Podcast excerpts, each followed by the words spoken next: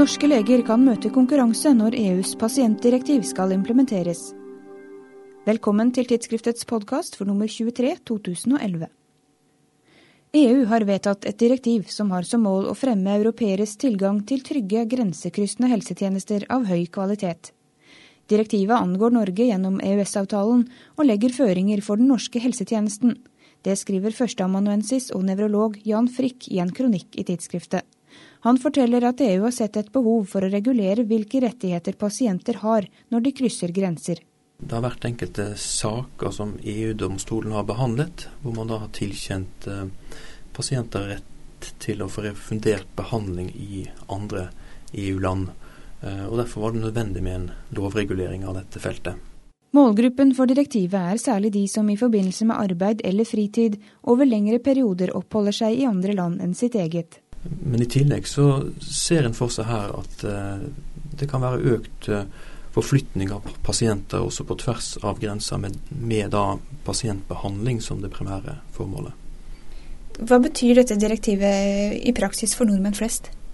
Det betyr at uh, en vil kunne få behandling i andre land i Europa, og få refundert den av norske helsemyndigheter men det er da en del begrensninger på dette, og det er særlig knyttet til at det skal være behandling utenfor sykehus. Eh, du kan ikke altså overnatte på sykehus, sånn at større inngrep, sykehusinnleggelser, høyrisikobehandling eh, er ikke innbefattet i ordningen.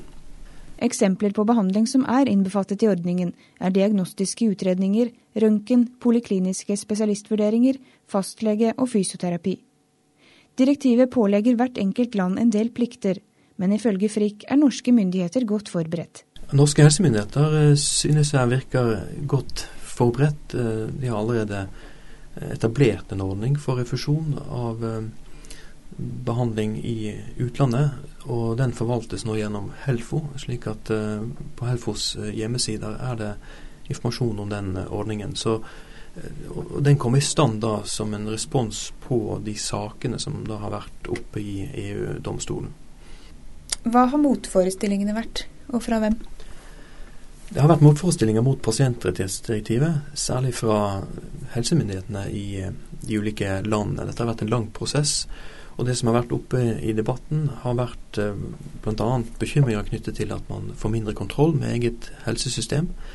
Eh, det har vært bekymringer for sykehusinfeksjoner, bekymringer om kvaliteten Eh, er god nok, og også bekymringer knyttet til at eh, det blir en økt vektlegging av prissetting på tjenester, og dermed økt vektlegging av økonomi. Hva vil føre til mest debatt, tror du? Altså I norsk sammenheng så ligger det i pasientrettighetsdirektivet en del eh, unntaksbestemmelser nå. De knytter seg til overnatting i sykehus, de knytter seg til høyspesialisert behandling blant Eh, men her kan nasjonale myndigheter eh, lempe på de unntakene og kan åpne for en økt eh, flyt av pasienter ut av landet. Slik at det som vil kunne være kjernen for debatt, er hvis man da lager type pasientbroer til andre EU-land for å håndtere egne forpliktelser. Så er det jo en annen ting som er uklart, og det er begrepet om hva som er en medisinsk forsvarlig ventetid. Det vil være utgangspunkt for debatt. Det er også uklart hva man egentlig legger i begrepet høyspesialiserte tjenester. Og slike ting må avklares eh, i det enkelte land. Frikk mener det er lite sannsynlig at pasienter fra ressursfattige EU-land vil ha anledning til å motta helsetjenester i Norge eller andre land med vesentlig høyere kostnadsnivå, fordi de selv må dekke mellomlegget. Finanskrise og store økonomiske forskjeller kan likevel snus til noe positivt.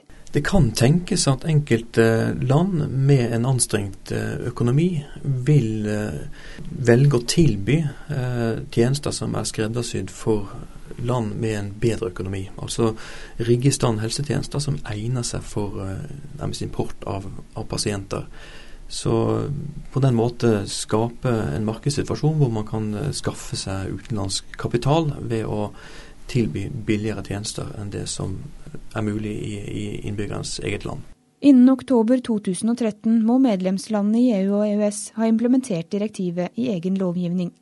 På norsk jord vil det reises en rekke problemstillinger som kommer til å prege fremtidens helsepolitiske debatt, og gi store utfordringer for norsk helsetjeneste.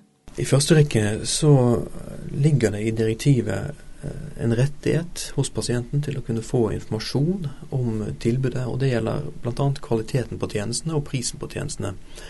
Eh, og Her vil det være et stort eh, behov for å kunne dokumentere kvaliteten på, på de tjenestene som ytes i, i, Norge. Ønsker du mer informasjon om helsetjenester i utlandet, finner du dette på helfo.no. Kronikken til Jan Frikk står på trykk i nummer 23. Jeg heter Eline Feiring og er tilbake med en ny podkast om to uker. Vi høres!